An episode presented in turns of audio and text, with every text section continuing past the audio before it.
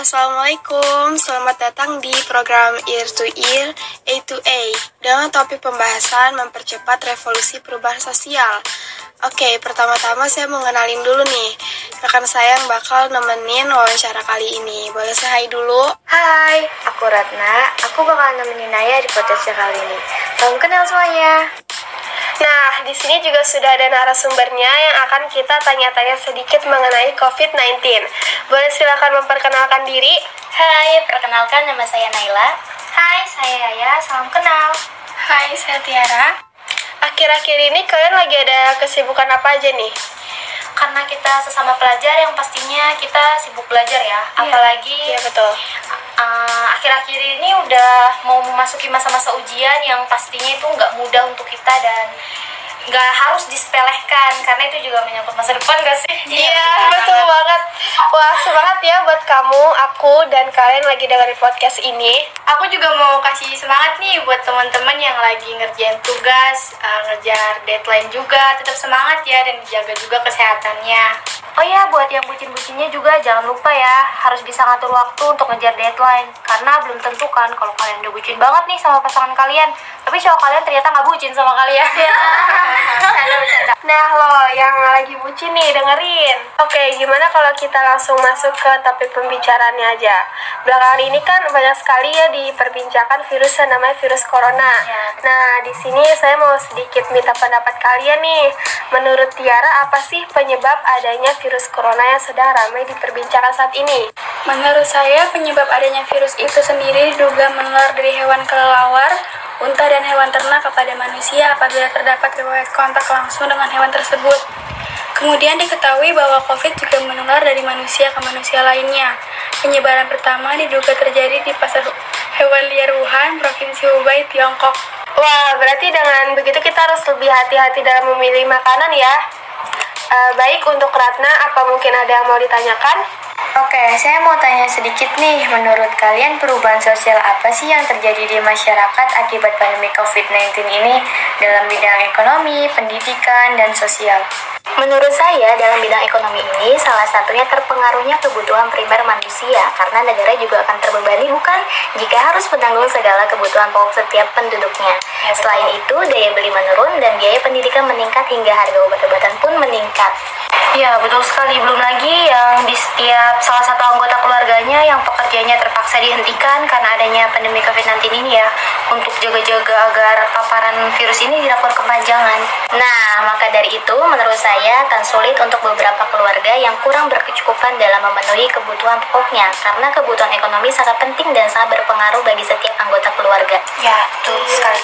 Untuk bidang pendidikan juga terpengaruh ya, seperti yang sebelumnya terbiasa belajar dari sekolah dengan normal, tapi karena pandemi ini sistem proses pembelajaran diubah menjadi daring atau online.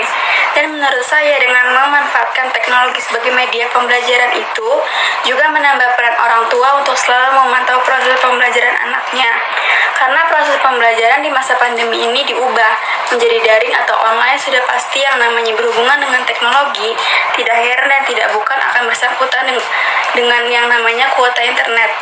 Iya, benar banget. Peran orang tua emang sangat penting dalam proses pembelajaran anak, apalagi saat daring gini ya. Iya, betul sekali. Dan ada juga ya perubahan dalam bentuk bidang sosial yang menurut saya sendiri pastinya sering terjadi di sekitar kita dan sering terjadi secara sporadis, secara tiba-tiba atau tidak merata.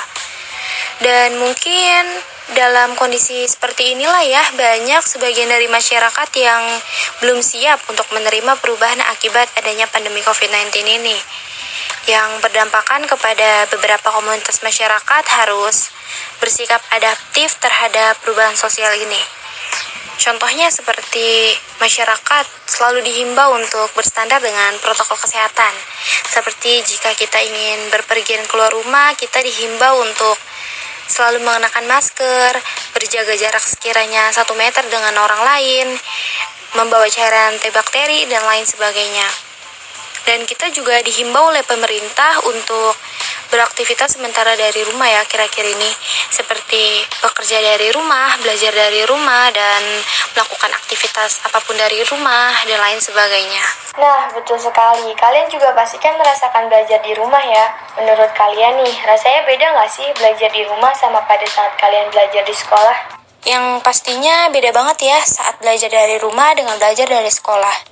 Karena ketika kita belajar dari rumah, yang pastinya kita akan merasa sangat kesepian dan mudah bosan karena gak ada seorang teman untuk kita ajak sharing tugas bareng secara langsung. Karena vibe-nya beda nggak sih dengan kita sharing tugas bertukar pendapat secara langsung dengan bertukar pendapat melalui teknologi yaitu smartphone.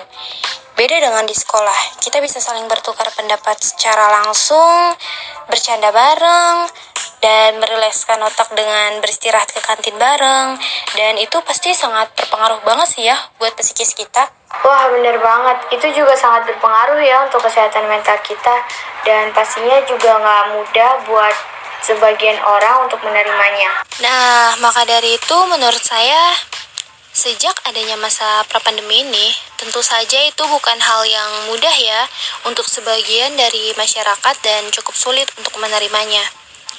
Karena pola kebiasaan masyarakat yang sebelumnya mungkin senang berkumpul-kumpul dan bersalaman, kini dituntut untuk harus terbiasa melakukan pembatasan sosial.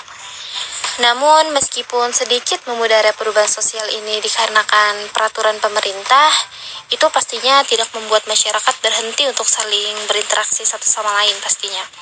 Dan dengan kita terus mematuhi peraturan pemerintah yang ada, semoga terwujudlah apa yang kita harapkan bersama. Saya ada pertanyaan lagi nih, masih seputar tentang COVID-19. Apa sih menurut kalian dampak positif dan negatif dari virus corona bagi manusia dan negara yang terdampak? Menurut saya dampak positifnya untuk negara yaitu salah satunya terjalin hubungan antar negara untuk memberi dukungan dan informasi tentang berita COVID-19. Dampak negatifnya untuk negara yaitu jadi banyaknya pengeluaran dan untuk mengatasi COVID-19 dan banyaknya pekerja yang terkena PHK. Dan menurut saya, dampak positifnya untuk manusia yaitu lebih peduli dengan kesehatan dan lingkungan, berkurangnya transportasi dan aktivitas industri, berkurangnya tekanan pada bidang pariwisata, dan hobi tertunda bisa terlaksana saat isolasi mandiri.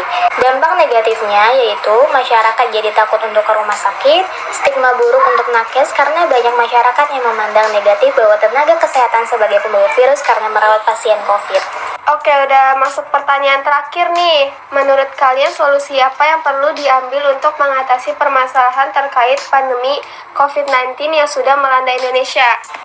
Baik, menurut saya solusinya dengan menjaga imun tubuh, dengan mengkonsumsi makanan bergizi, mencuci tangan dengan benar, menjaga jarak, menyediakan cairan bakteri di tempat umum, menggunakan masker dengan benar, dan selalu pantau perkembangan penyebaran berita COVID-19 dari sumber resmi dan akurat, dan yang paling penting saat ini untuk melaksanakan vaksinasi untuk menambah kekebalan tubuh. Nah, itu tadi solusinya. Semoga bisa diterapkan dengan baik. Mungkin segini dulu pembicaraan kali ini. Terima kasih untuk rekan saya Ratna yang menemani podcast kali ini.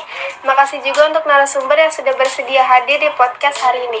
Ya, sama-sama. Dan buat kalian juga yang di rumah, makasih buat gak bosan-bosan dengan podcast ini. Sekian terima kasih. Wassalamualaikum warahmatullahi wabarakatuh.